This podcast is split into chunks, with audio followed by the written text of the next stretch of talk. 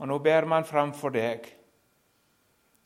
Du veit alle tanker, bekymringer, nød som kommer i sånne situasjoner. Ta deg av de, og la de få hvile trygt i dine hender og i ditt ord og løfte. Vi ber deg for de, og ta deg av denne dama som har eh, sitt å stri med av dine små. Vær hos henne, Jesus, og sett vakt omkring henne, og ta deg av hennes nød og familien hennes. Vi legger det på deg. Og så vet du vi er samla for å høre ditt ord. La oss akte vel på tiden mens du søker oss, o Gud. Snart går nådens tid, og siden får vi ikke flere bud. Herre, hjelp oss nå å høre ordet som kan saliggjøre. Lukk du opp vårt hjertets øre. Hør vår bønn, vår frelses Gud. Amen. Før jeg går til det som jeg skal tale om, så var det skjedd noe i går kveld. Vi hadde spørjedag eller, ja, fått et par samlinger. En for alle og en for ungdom. Og Nå er det en lappe her som ble glemt, og da skal jeg prøve å si lite grann om den. Hvordan skal man si til en person med dårlig selvtillit at vedkommende er en fortapt synder og ingenting i seg selv, og at det kommer ingen vei uten Jesus? En ungdom som spør. Ja, det er jo sånn at eh, det er ikke så uvanlig i dag at det blir reagert kraftig mot en forkynnelse som sier at vi er fortapte syndere. For her kommer folk som er så nedtrykte i seg sjøl og så trykker vi de bare enda lenger ned. De tenker da at jeg er ikke verdt noe. De har dårlig sjøltillit, et dårlig sjølbilde. Det er ganske mange som sliter med det. Tenker at jeg er ikke noe. Og så kommer de på møte. Ja, det er ganske riktig, du er ingenting. Ja, hva det jeg tenkte. Og så er det så nedtrykkende. Og så spør en ja, men det er jo Guds ord i forhold til Gud. Og Så er det noen som skal reparere på det, og så sier de nei, sånn må ikke vi snakke. Vi må si du er mye verd, for du er skapt i Guds bilde. Du er unik, sier de. Og Det kan jo være godt å høre for en person som tenker han ikke er mye verd.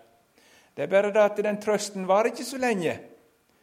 For når en kommer hjem og ser at en ikke bedre likt verken i ungdomsflokken eller andre plass, og livet går ikke noe lettere, så varte det ikke så lenge når noen sa du er unik. En har en erfaring av hvor unik en er. Og så er det liksom ikke noe igjen. Og så er spørsmålet hvordan skal en være i forhold til dette? Nå er det vel sant at det der med et dårlig sjølbilde det kommer oftest av at en opplever seg ikke elska. Folk ser meg ikke. Mine ser meg ikke. Venner ser meg ikke. Kameratene spør andre, ikke meg. De bryr seg om andre, snakker til de andre, ikke til meg. Um, og Da hjelper det ikke så mye å høre at du er mye verdt når en opplever det motsatte i livet. Eh, så Derfor hjelper det å forsleke at det er noen som bryr seg om dem. Det er sikkert. Oppleve noen som virkelig bryr seg, og ville snakke med meg. Så det er noe med livet, om det kan være sånn med oss, at vi ikke takserer hverandre hvor godt vi lykkes. Og så snakker vi med de som er liksom litt sånn, og så er det noen som vi går rett forbi. Det kan være med å trykke mennesket ned. Men i forhold til dette så har jeg lyst til å si det voldsomt frigjørende og vite at det, det er ikke på grunn av meg sjøl at Gud elsker meg. Jeg kan ikke følge den talen som sier at du elsker fordi du er skapt av Gud. I tillegg så kommer jo at vi falt med syndefallet. Så da hopper en jo bukk over når en snakker det. Jeg skal si dere en ting. Guds kjærlighet er mye gamlere enn skapelsen. Han elska lenge før du var skapt. Du er skapt fordi han elska, ikke motsatt. Han ønsket å være god mot deg i all evighet, før du var skapt. Og før du var skapt, hadde han bestemt at han ville gi Jesus i døden for deg.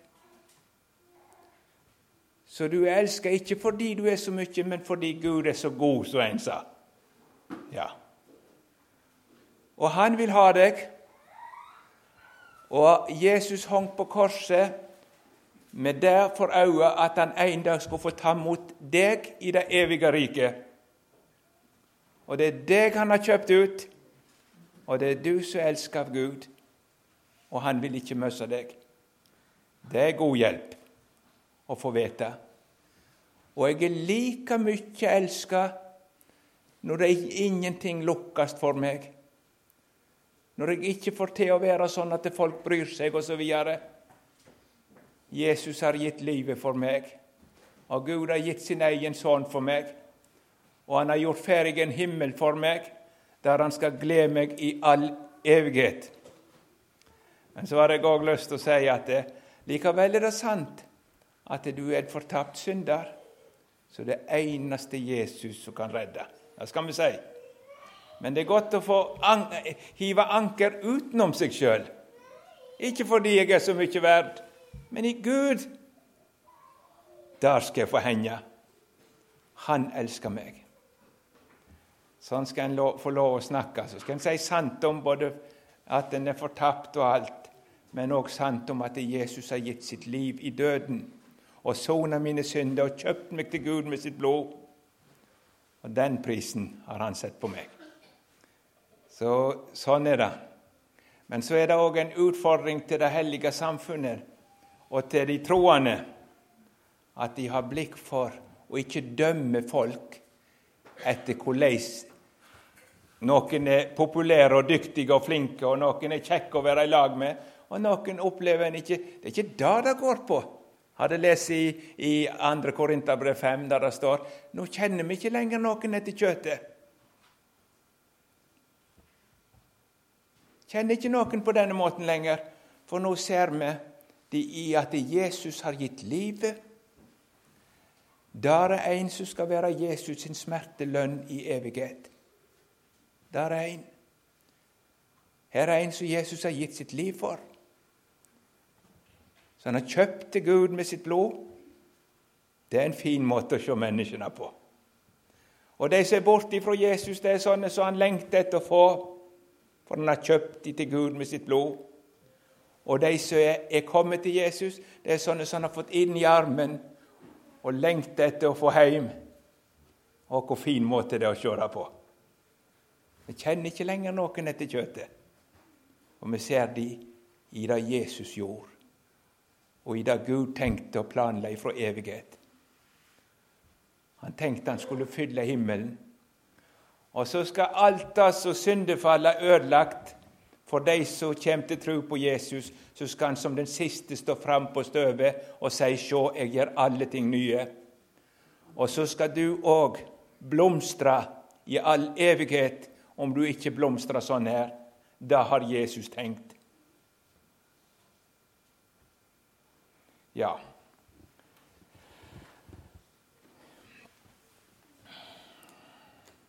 Jeg har vært i Salme 110 som et slags utgangspunkt. Og Der har jeg snakket om Han som sitter ved allmaktens høyre hånd, som trøst for de troende. Og så har jeg snakket om den hæren som fører hans strid i verden, en hellig hær. Og nå er det slik at Guds folk opplever seg slettes ikke alltid så hellige når de ser på hverdagen. Men grunnen til at de kan kalles hellige, det ligger på et helt annen plass. Det ligger ikke her. Hvis jeg skal dømme meg sjøl sånn som jeg ser meg i Guds ord lys, er det ikke mye hellighet igjen. Det Guds ord sier om meg.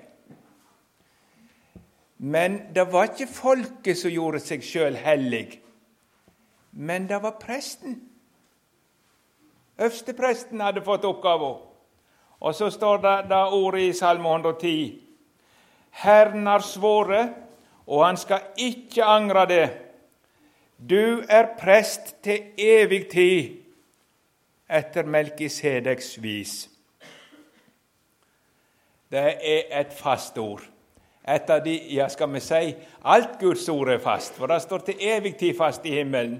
Men her er det ikke bare et Guds ord, men Herren har bekrefta ordet med en ed. For at du skulle ha to ting som aldri kan svikte. Guds løfte og Guds ed. Og da har han lovt og sagt til sønnen du skal være prest til evig tid. Og vi skal prøve å se litt på hva det betyr.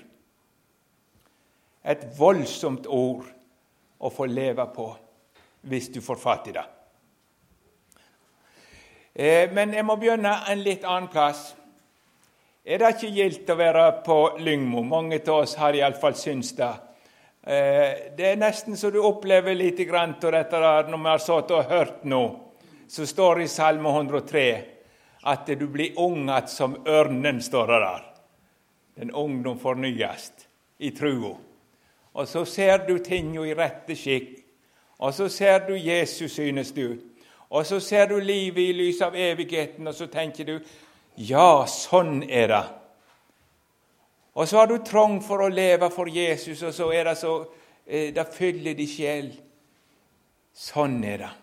Du ser igjen. Du får oppleve det som står i Salme 13, kanskje, at han opplyser ditt øye så du ikke sovner inn i døden.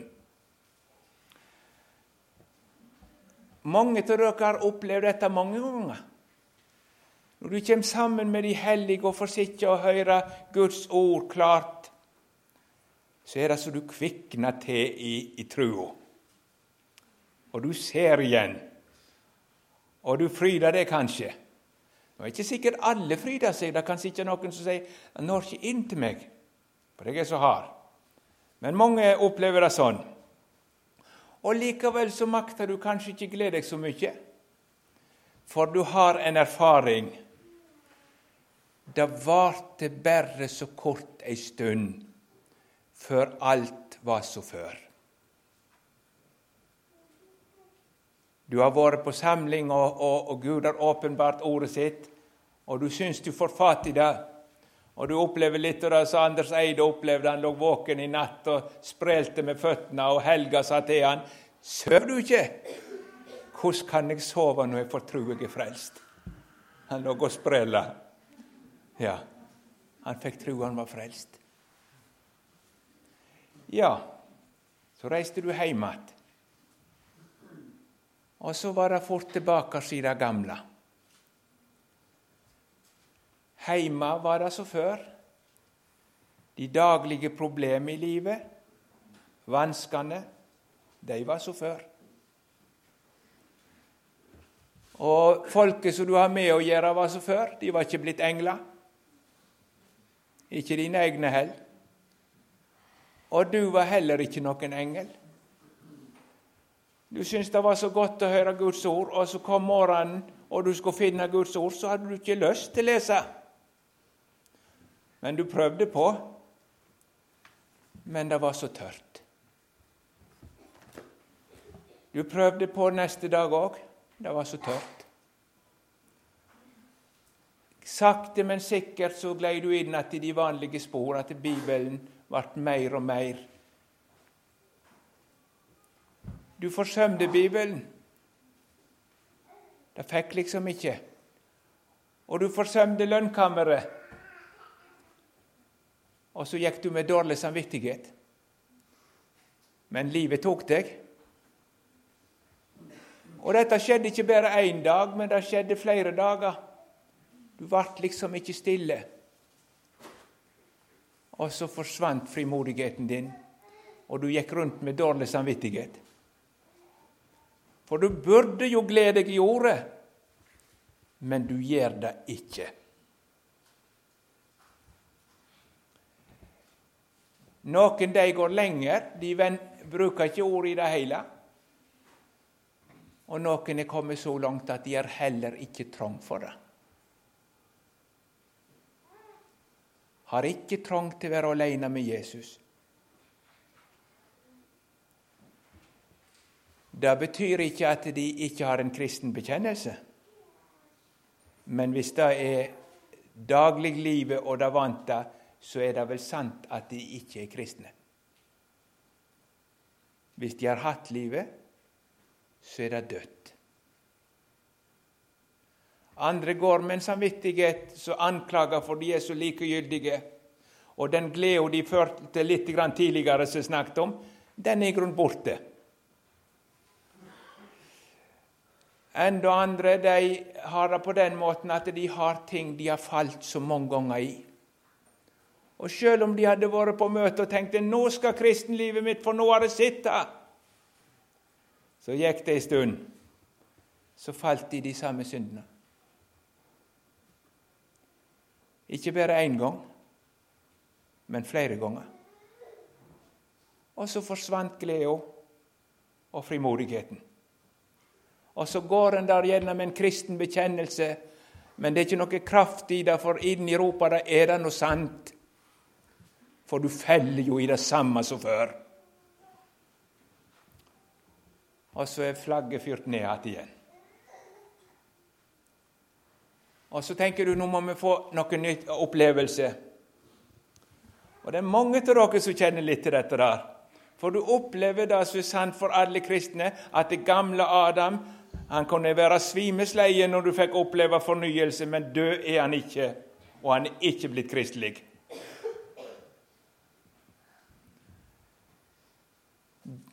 Da er det noen som er lett bytte når noen begynner å si 'Kom her, så skal kristenlivet ditt fungere'.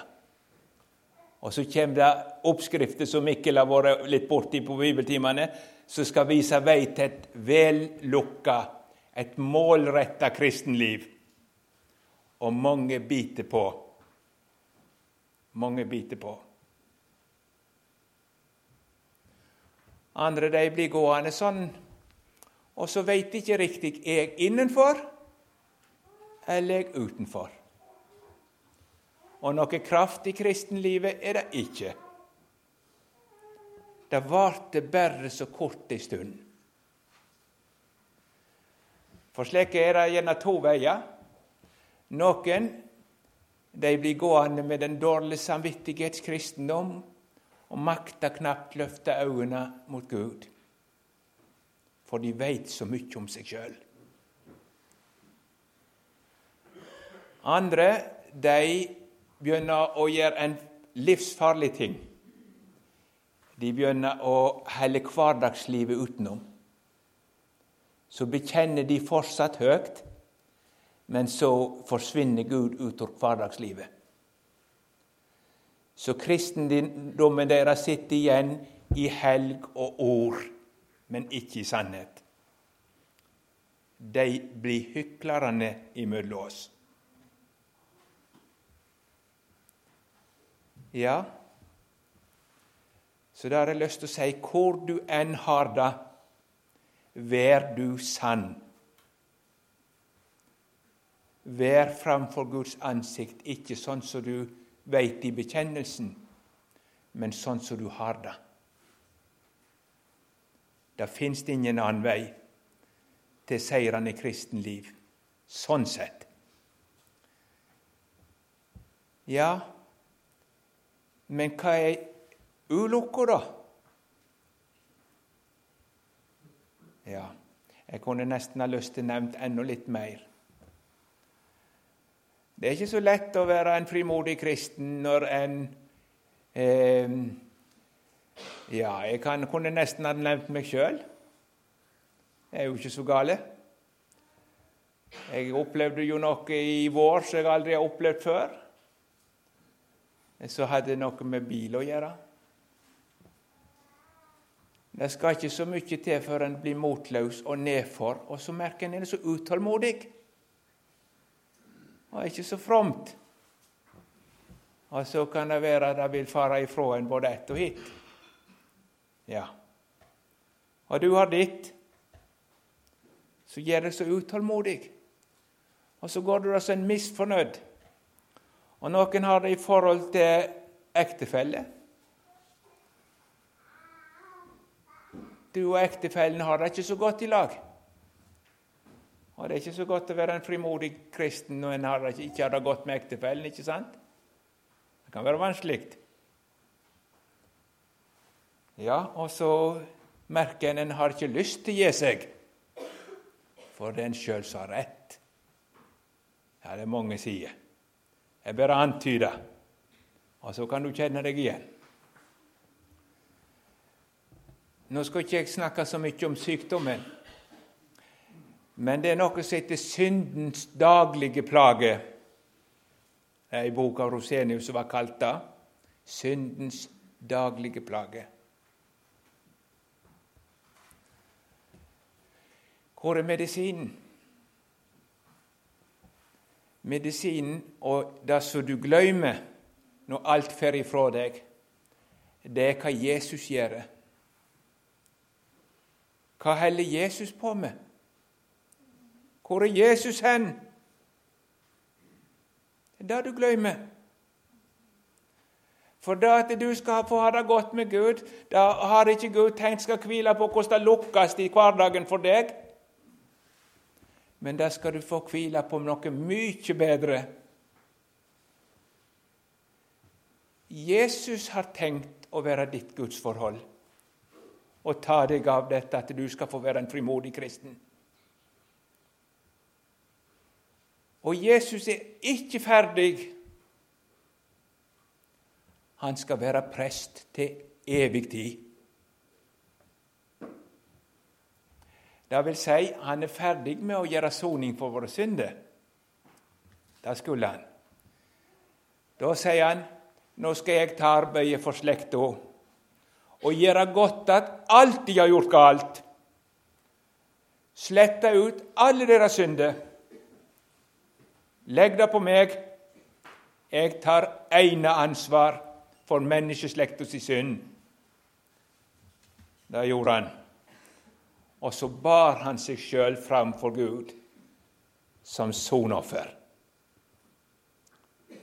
Nå ofrer jeg meg sjøl. Straff meg Døm synden. Jeg skal dø. Er det, meg, er det meg du leter etter, sa han i Getsemane, så la disse gå fri. Det er fint. Ja, sånn var det når den øverste presten skulle ordne forholdet til, til, til, Gud for folket.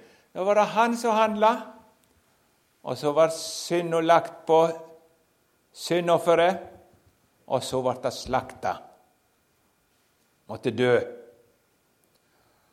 Og så blir blodet på alterhånden og snakket om i går. På den store forsoningsdagen da stoppet det ikke der at det kom på brennofferalteret. Og ikke alltid i andre situasjoner heller. Det kan jeg ikke gå inn på. Men da fortsetter det.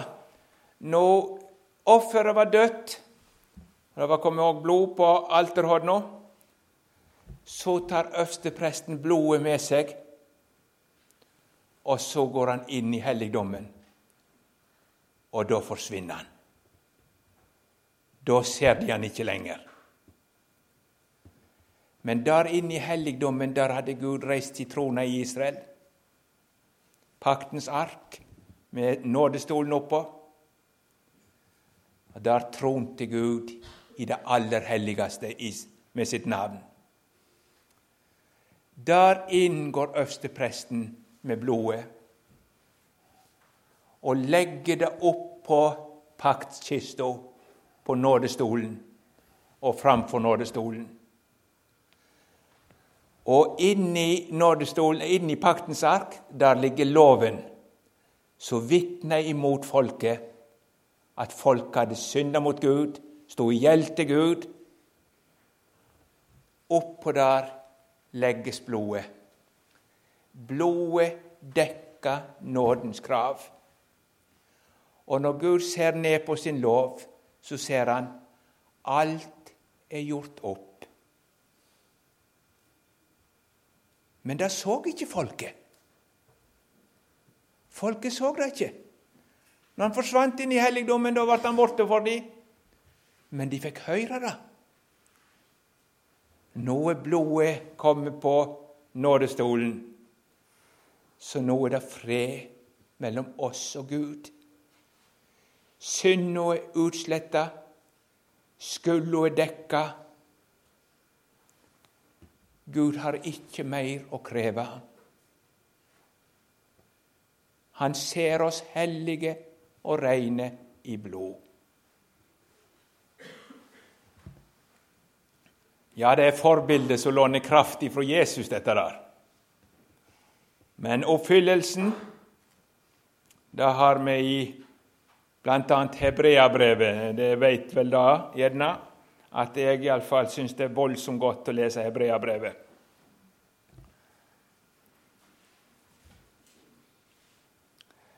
Men da Kristus kom, står det i det 11. verset i kapittel 9.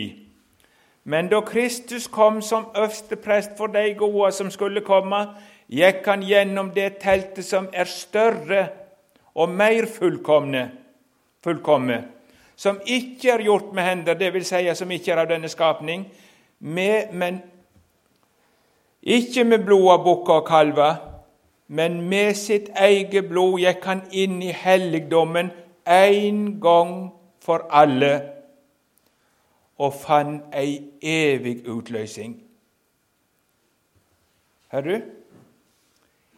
Jesus som øverste går med sitt eget blod like inn i himmelen, like inn for Guds trone, og fant ei evig utløsning. Han fant syndenes forlatelse for alle synder til alle tider. Nå har Jesus vunnet syndenes forlatelse for hver eneste menneske, for alle synder, ifra skapelsen til dommedag.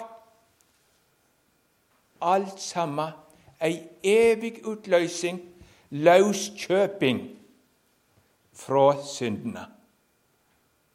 Det fant han. Nå ser Gud gjennom blodet at alt jeg har å utsette på denne slekta, er gjort opp. Og derfor innbys du som har synda, du som er en synder, Kom, for alt er ferdig.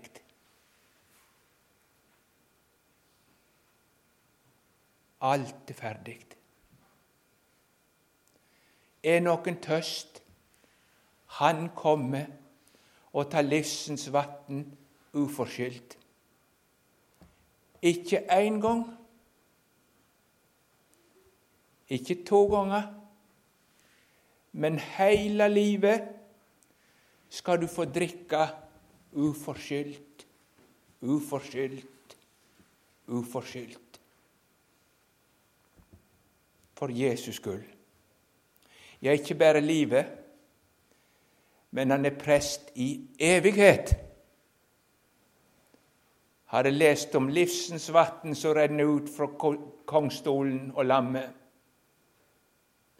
Det evige livet skal aldri være overført til deg, men det skal alltid renne ut fra Jesus til deg. I all evighet skal du få leve av det Jesus gjorde. Det skal du.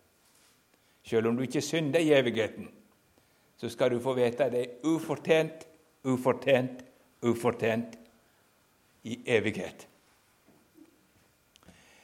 Jeg kommer på en Eh, konfirmantklasse i tidligere tider. Da var de strenge. Da skulle de kunne alt, iallfall det meste. Og de lærte grundig kristendom, de som var skikkelige. Og det var ikke så nådig for de som hadde vanskelig for å lære utenat. Og så var det ekstra gale, for da kom den kjente biskopen og skulle høre de den gangen, og han het Høk. Han skulle komme. Og så var det en som hadde hatt så vanskelig for å lære, og han hadde sittet hjemme med mora si og pugga så godt han kunne. Jeg ville liksom ikke inn, men noe kom nå inn, da. Og så av alle ting så fikk han spørsmål om den tredje trosartikkelen. Og du, du må si meg den tredje trosartikkelen, sier Øk. Au. Og så begynte stakkaren å stamme. Jeg tror på Den hellige ånd, ei hellig allmenn kirke, samfunn av de hellige, og så vil det til å stoppe syndenes forlatelse, og så var det helt stopp. Og Biskopen var snill, så han prøvde. Du, må bare prøve en gang til, sa han. Og så hjalp han han i gang. Og så prøvde han liksom å være Nei. Han kom til samme plassen, og det var så pinlig for han. Og så stoppa gutten og sier, når han kommer til syndenes forlatelse, 'Jeg er ikke kommet lenger, jeg.' Da rant tårna i bispen sine øyne. Ikke jeg heller, sa han. Jeg tror på syndenes forlatelse. Jeg er ikke kommet lenger. Jeg lever i respirator. Hvis ikke Jesus dusjer meg med syndenes forlatelse, så er jeg ikke frelst. Men han har vunnet ei evig utløsning. I Han har vi utløsninga syndenes forlatelse. Ved Hans blod, står det. Det har han vunnet. Og det har han tenkt du skal leve av hele veien. Hele veien. Trekke og trekke av kontoen som Jesus reiste på Golgata. Og du kan aldri overtrekke den.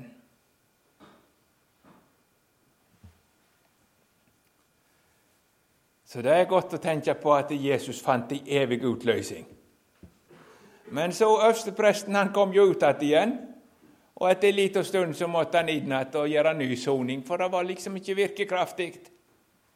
Men med Jesus, altså, han fant ei evig utløsning. Og han reiste ikke bort igjen ifra Faderen, men nå står han hos Gud med sin soning nå. Det er det neste jeg hadde lyst til å minne om. Og Det er i samme kapittel som jeg leste fra. For Kristus, står det i vers 24, gikk ikke inn i en helligdom som var gjort med hender, og bærer et bilde av den sanne helligdommen. Han gikk inn i sjølve himmelen, der han nå åpenbærer seg for Guds åsyn for vår skyld. Å, hvor godt et ord! Nå, står det der han nå åpenbærer seg. Åpenbaring, det som har hørt Johannes Kleppa, for eksempel, han legger veldig vekt på det. Og det er sant, for kristendom er åpenbaring. Det Evangeliet må åpenbares for deg på jord. Men det er en åpenbaring i himmelen òg. Gud får se noe aldeles uhørt. For der åpenbarer Jesus seg sjøl som løsepenge og soning. Han åpenbarer at verdens synd er betalt. Og han åpenbarer derfor at de troende er reine for Gud. De som tror på Jesus, da ser Gud i Jesus som om de aldri hadde synda. Når du faller, når du sender deg så skjeten, når du blir så motløs over deg sjøl, hva gjør Jesus på? Han åpenbarer seg nå for Guds åsyn. Han gjør det kjent for Gud en stor hemmelighet. De syndene som du ser i ditt hjerte, og de syndene som du faller unna, har Jesus gjort opp en gang for alle. Og så kan du være frimodig. For Jesus dekka meg hos Gud, og han svikta ikke. Da har Gud svoret med en eid. Han er prest til evig tid. Han tar seg av ditt gudsforhold, du som setter din lit til Han i all evighet. Og nå Ja, på Lyngmo, når du kommer hjem når du våkner om morgenen og merker gamle Adam har ikke det bitten lyst til å lese Guds ord. Så sa jeg i går til ungdommene ja, da skal du si ja, ja, gamle Adam, jeg merker du er våken, du òg. Ja. Men det rører ikke med storsaken. Jesus har ikke noe gamle Adam som hindrer han i virksomheten. Han syner seg nå for Guds åsyn. Og nå ser Gud med nåde på meg som om jeg aldri hadde synda. Han ser meg hellig og rein. Nett når jeg ikke har lyst til å lese. Ja, det gjør han. Men så hadde det vært så godt om et Guds ord kunne nå meg, så jeg òg så det. Så ville dagen vært ganske annerledes. Og det er jo godt å tenke på. Og så det, står det mer om Jesus, ikke bare at han åpenbærer seg, det gjør han jo. Jeg tenker at han står med sårmerkene. Og det står det jo om i, om i 1. Eh, Johannes 2. Dette skriver jeg til dere så dere ikke skal synde. Og den hellige trangen har det som har for sitt Jesus. Jeg vil ikke synde mer. Jeg vil ikke synde mer. Dette skriver jeg til dere så du ikke skal synde. Og om noen synder Og så sto det på ene bokmålsoversettelsen, og det likte jeg så godt Da har jeg dårlig samvittighet. Hæ? Var ikke det det som sto? Ja, ja, det bør være sant. Samvittigheten melder ifra. Dette var ikke rett. Men det står noe mye større. Da har vi en talsmann hos Faderen, og han er en soning for våre synder. Han dekker synden. Han stiger fram og sier, 'Det er oppgjort. Den han er fri. Det er oppgjort.' De en gang avhandlede saker man atter for dommen ei drager, i Skriften ei heller befales at gjelden skal to ganger betales, sier Petter Dass. Ja, vi må ikke stoppe med det ordet.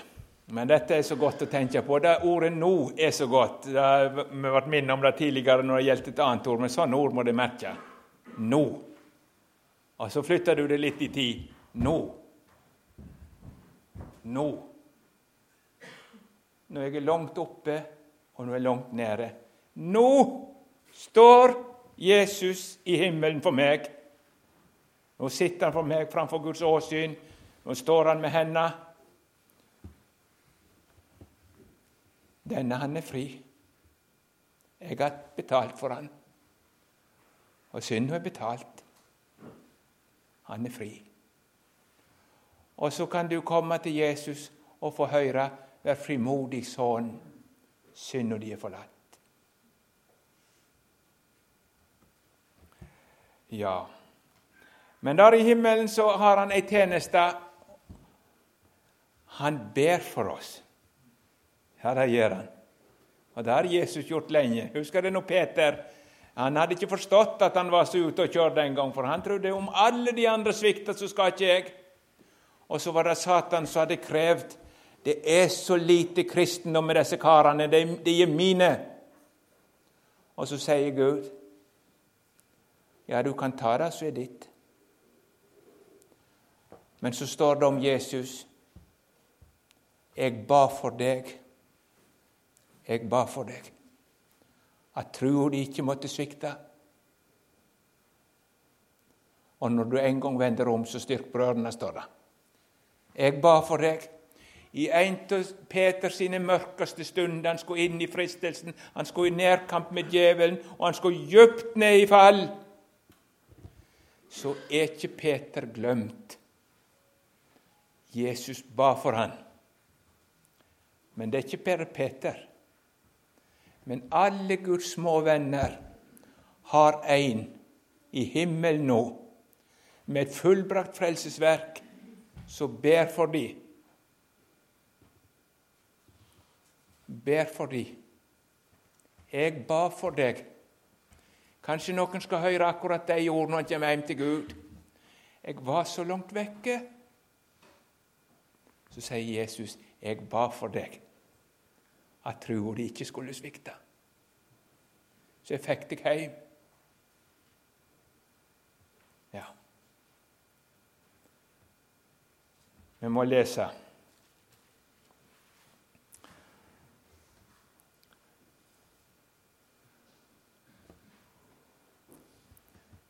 Fra vers kapittel 7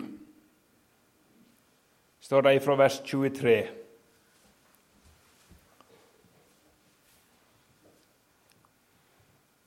Og av disse andre prestene har det blitt mange på grunn av at døden hindrer de å holde fram.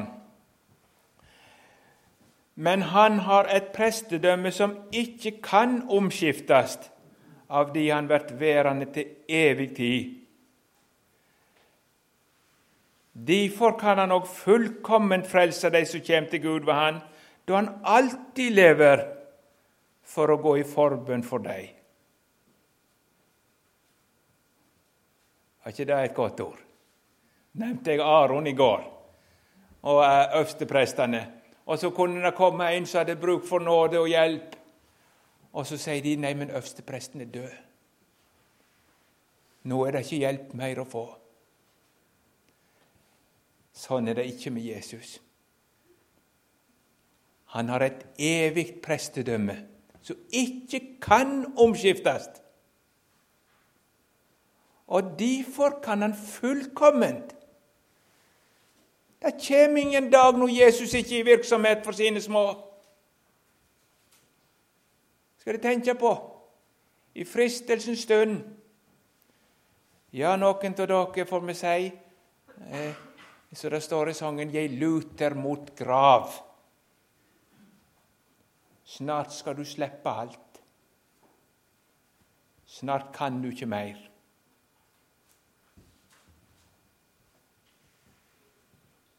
Det var i, i en konfirmantklasse i, i Sverige. Jeg hadde fortalt stund om, men jeg syns det er en gripende fortelling. Der var det bare verslige, sånn som det mye har vært i mange folkekirkesammenhenger bortsett fra ei tynn, sped jente.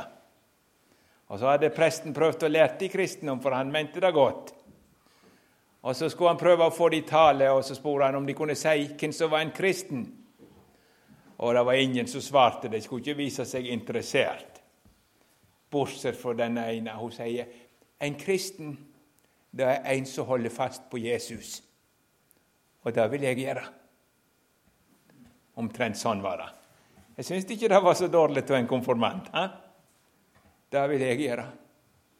Og så sto hun der alene. Men hun ble ikke konfirmert, for utpå våren ble hun sjuk, og det ble døden. Og presten var så nedfor, for han hadde ikke fått anledning til å være hjemme til henne. Mor hans eller dattera eller familien. Så da tenkte han jeg får iallfall reise på besøk nå etterpå. Og så kan jeg kanskje være med i sorga ja, han, han reiste. Og så sier han jeg skal fortelle noe. Var frimodig, den dattera deres. For hun, hun reiste, eh, sa i klassen så tydelig hvor hun ville hen. En kristen da er en som holder fast på Jesus, og det vil jeg gjøre. Og så spør presten nå hvordan gikk det. Holdt hun fast ved Jesus? Ja, sier mora når det nærmte seg slutten, så ville hun hver kveld at jeg skulle komme og be kveldsbønn med henne.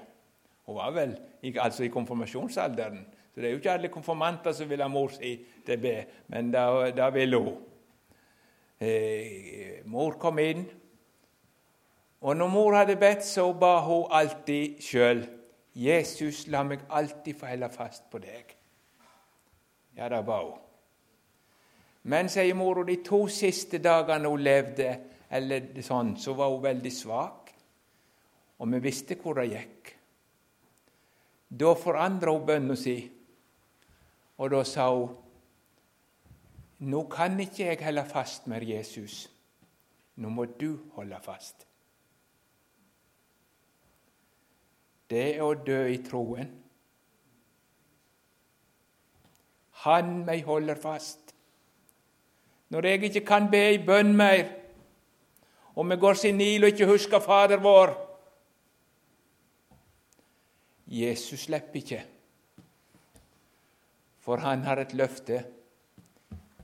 Jeg skal være prest til evig tid. Og han kan fullkommen frelse de som kommer til Gud ved han. For han lever alltid, alltid for å gå i bønn for deg. Og hva ber han? Ja, jeg skulle gjerne hørt, men jeg tror vi har det i Bibelen vår. For Jesu ypperste prestlige bønn er jo akkurat den bønnen han trer fram for Gud for sine i verden.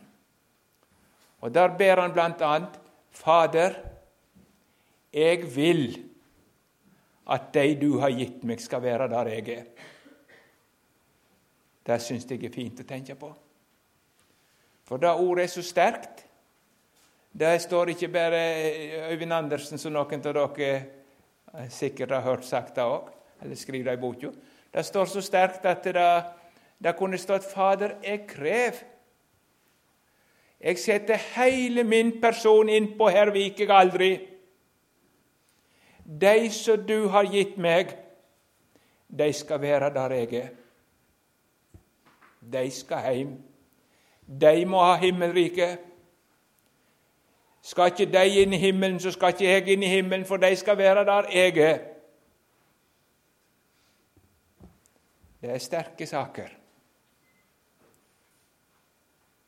Fader, jeg vil. Og Faderen er ett med Sønnen. Ja, min sønn, de skal. De som Faderen gir meg. Hvem er det? Det sier Jesus sjøl. Alle de som Faderen gir meg, kommer til meg. Det er de som kommer til Jesus for at han må frelse dem. De kan ikke berge seg sjøl, og så kommer de til Jesus. Og det gjør de for det er Faderen som drar de og gir de til Jesus. For Jesus sin død så vil Faderen så gjerne gi mennesket til, Jesus. Og Så tar han en og gjør han til en synder i sine egne øyne, og så rekker han til Jesus og så sier han, 'Denne må du frelse'. Ja. Og så har han gitt til Jesus. Og da er han Jesus sitt ansvar. Og han sier til de urolige hjertene som ser seg så syndige og stygge og fallende, 'Den som kommer til meg, skal jeg slett ikke støte ut.' Vær du trygg. Og så sier han litt lenger ute og 'jeg skal reise de opp på den siste dag'. La det fare om du skal i døden, for Jesus holder ord. Jeg skal reise de opp på den siste dag. Jeg har blitt til støv. Ja, nå har vi hørt at Guds folk er hos Herren på en underfull måte òg i mellomtilstand. Det er sant nok. Men det kommer en dag en oppreisningsdag, der Jesus som den siste står fram på støvet, og så roper han ditt navn. Og så reiser han deg opp i herlighet til evig liv og salighet. Han holder det han har lovt.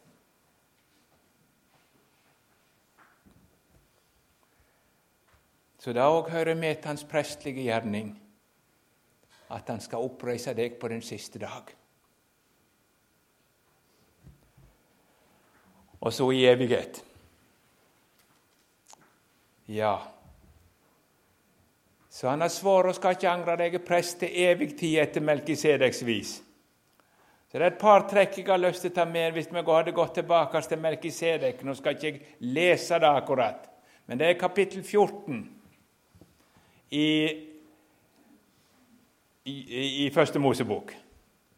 Og da er det Abraham har vært i strid mot Guds folk sine fiender for å berge en lott. Nå skal de i strid for å berge folk. Og nå skal de i strid for å berge de troende på heimplassen. Gud gi det var noen som lovde for Jesu ansikt. Jeg skal være med for dine troende. Skal heim. Lots hadde stelt seg så dårlig at han var flytta til Sodoma kunne Abraham tenkt at ja, ja, han får nå i en menighet. Og der var det ikke noe godt lenger. Men Abraham var ikke sånn. Lot sin nød blir hans nød. Og så berga han Lot. Og så var det kamp, og så var han vært langt, og så kom han trøtt hjem igjen. Og kjem til dalen utenfor Jerusalem, som de kalte for Sjavedalen, Kongsdalen. For der skjer et minnerikt møte mellom tre personer. For når han kommer trøtt hjem igjen fra slaget, da får han besøk fra Sodoma. En fristelse, en stygg fristelse, til å gjøre seg rik på Sodomas vis, med Sodomas gods. Jeg kjenner litt av dette der. Som dere vet, så reiser jeg som forkynner. Og eh, det kan være både gildt og kampfullt. da. De sporer jo en sogning om han hadde, hadde sommerfugler i magen når han skulle tale. Nei, sa han. Jeg har krauke, sa han. Så det er nå ene sida av saken. Ja. Eh, men når jeg har vært ute, går spent hele dagen Når middagen er litt sein på dagen, så smaker han ikke særlig godt, for da er det begynt å røre seg så fælt at det passer ikke. Eh, det må og så kommer møtet, og så videre, og så går du i spenning, og så går du etter møtet og lurer på Ja Når de omsider kommer hjem, så er det voldsomt godt å komme hjem. For det er godt å være hjemme. Det er godt å ha en plass du kan si her, her er jeg hjemme. Ikke fordi jeg ikke har det godt rundt om, og ikke forstår det sånn. Det har jeg ikke lyst til å si. Men jeg har erfaring for det at eh, når jeg kommer hjem og er trøtt og sliten, så får jeg besøk nedenfra. Andre ganger òg. Jeg får besøk nedenfra som vil dra meg ned. Jeg skal ikke si hvor det arter seg alltid, men det har jeg gjort. Det fikk Abraham òg. Men det var ikke bare nedenfra han fikk besøk. For på byen på berget da var det en som fulgte med seg til Melkisedek. Og så skynder han seg ut til Abraham med mat for å styrke han. Og så får de ei stund der de får prise den levende Gud, og ei veldig stund. Det veit om sånne stunder. Det skal jeg si til dere Hans er prest til evig tid etter Melkisedeks vis. Han følger med. Og når du får besøk nedenfra, og så kommer han med mat, og så vil han ta seg av deg. Han vil ikke miste deg. Er det ikke godt at det er en som møter opp, og så dunker han borti deg, sånn som han gjorde til Elias en gang? Elias var så motløs at han sier, 'Ta livet mitt! Ta livet mitt!' Han var en engel som var kommet. Stå opp og et! Og så fikk han mat. Åndelig mat òg, skal du tenke på. Og så la han seg til å sove igjen. Stå opp og et! Og så var det et nytt måltid, for ellers blir veien hjem for lang for deg. Er det ikke godt at det er en hyrde og tilsynsmann for sjelene som møter opp for å få deg hjem? Han følger med. Han følger med. Og så ikke bare det, men så velsigner han Abraham. Det vil si han nedbærer Guds velsignelse over Abraham. Det gjorde Melkisedek. Og det gjør Jesus som prest evig tid etter Melkisedeks vis. Og nå har jeg lyst til å vise dere noe fint. Har dere sett slutten på Lukas evangeliet? Evangeliet etter Lukas.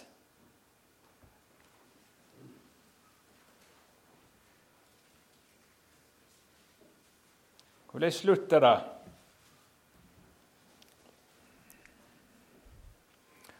Han førte de ut mot Betania og løfte hendene sine og velsigna dem. Og det hendte medan han velsigna dem, at han skildes fra dem og ble tatt opp til himmelen. Legg merke til det. Det står ikke 'når han hadde velsigna dem', men det står 'medan han velsigna dem'. Så det siste de ser når skya dekker Jesus, det er hans hender rakt ut over dem, der han ber ned Guds velsignelse over dem. Og sånn så de han han for. Hva betyr det? Det betyr at det for deg som klynger deg til Jesus, så er du natt og dag under hans velsignende hende. Han har ikke tatt de inn igjen. Nå er han og ber ned Guds velsignelse over ditt liv. Og når vi lyser velsignelsen i slutten på et møte, så er det i Kristi stad hans hender som legger seg over dere og nedber Guds velsignelse over deg som tror.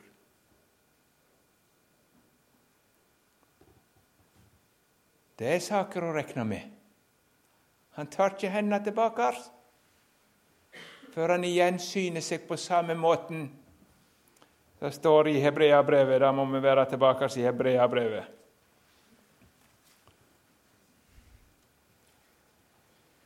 Ja, i vers 27 og 28. Og liksom det er så laga at menneskelig døy én gang og deretter dom, så skal òg Kristus, etter å ha blitt ofra én gang for å ta bort synden til mange, bli den åpenbæra andre gangen, ikke for synders skyld, men til frelse for de som venter på Han. Frelse, fullkommen utfrielse fra synden og alle dens følger. Så det neste Guds folk skal se når de ser Frelseren på himmelskyene, er at han åpenbærer seg med de velsigna hendene utdrakt og frir de fra evig ut fra synden og alle dens følge. På samme måten som han forsvant, til velsignelse for sitt folk. Og så ber det hjem. Så skal vi alltid være med Herren. Og da er dagen når tro til syn blir vendt.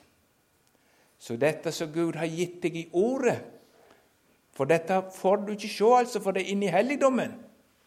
Dette skal du få lov å tro, men da skal du få se Han. Da skal du få, den skjulte manna. Det som Guds folk har levd av på hele ørkenvandringen, det skal du få se. Og du skal få se at det du levde av, det var Jesus. Du skal se han.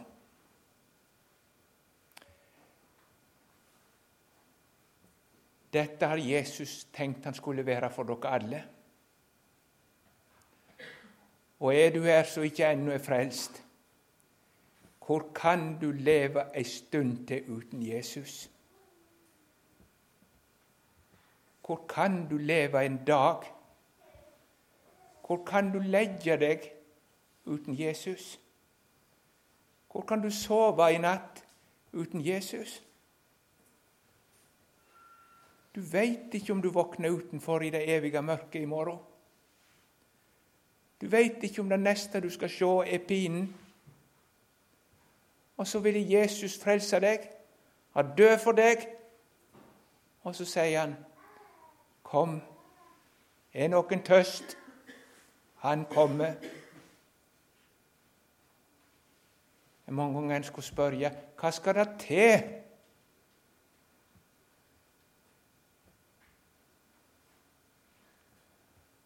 Og så hadde jeg lyst til bare å si til dere til avslutning Han blir værende prest til evig tid. Det har Gud svoret.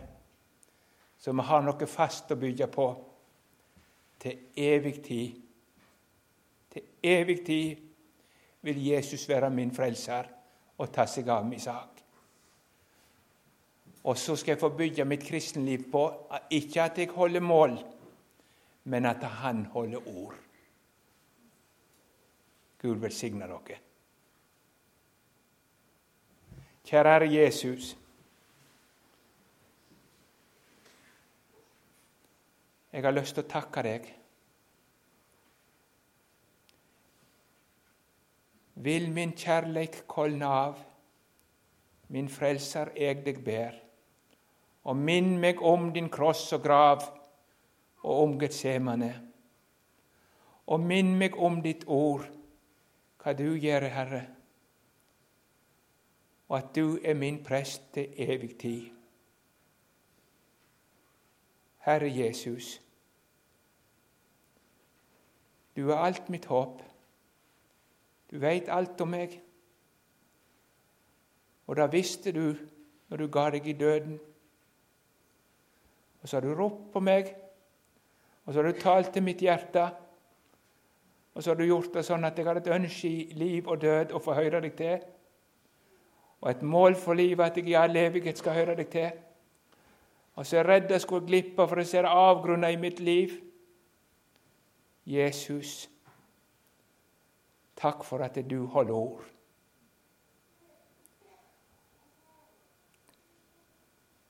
Jeg har lyst til å be deg for hver enkelt her inne. Jesus, skriv deg Jesus på mitt hjerte, hver og en av oss, at vi må holde oss til det du har sagt, til frimodighet i liv og død ankergrunn for våre sjeler.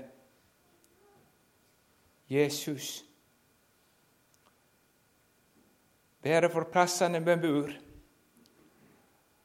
At det da kan verte det navn som på alle sin munn og i alle sine hjerter, og da vi samles om og gleder oss over at du er Jesus blevet. Du er vår prest til evig tid.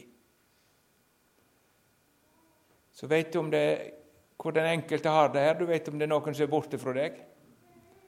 Jesus, takk for en nådetid, en dag når du roper 'kom'. Amen.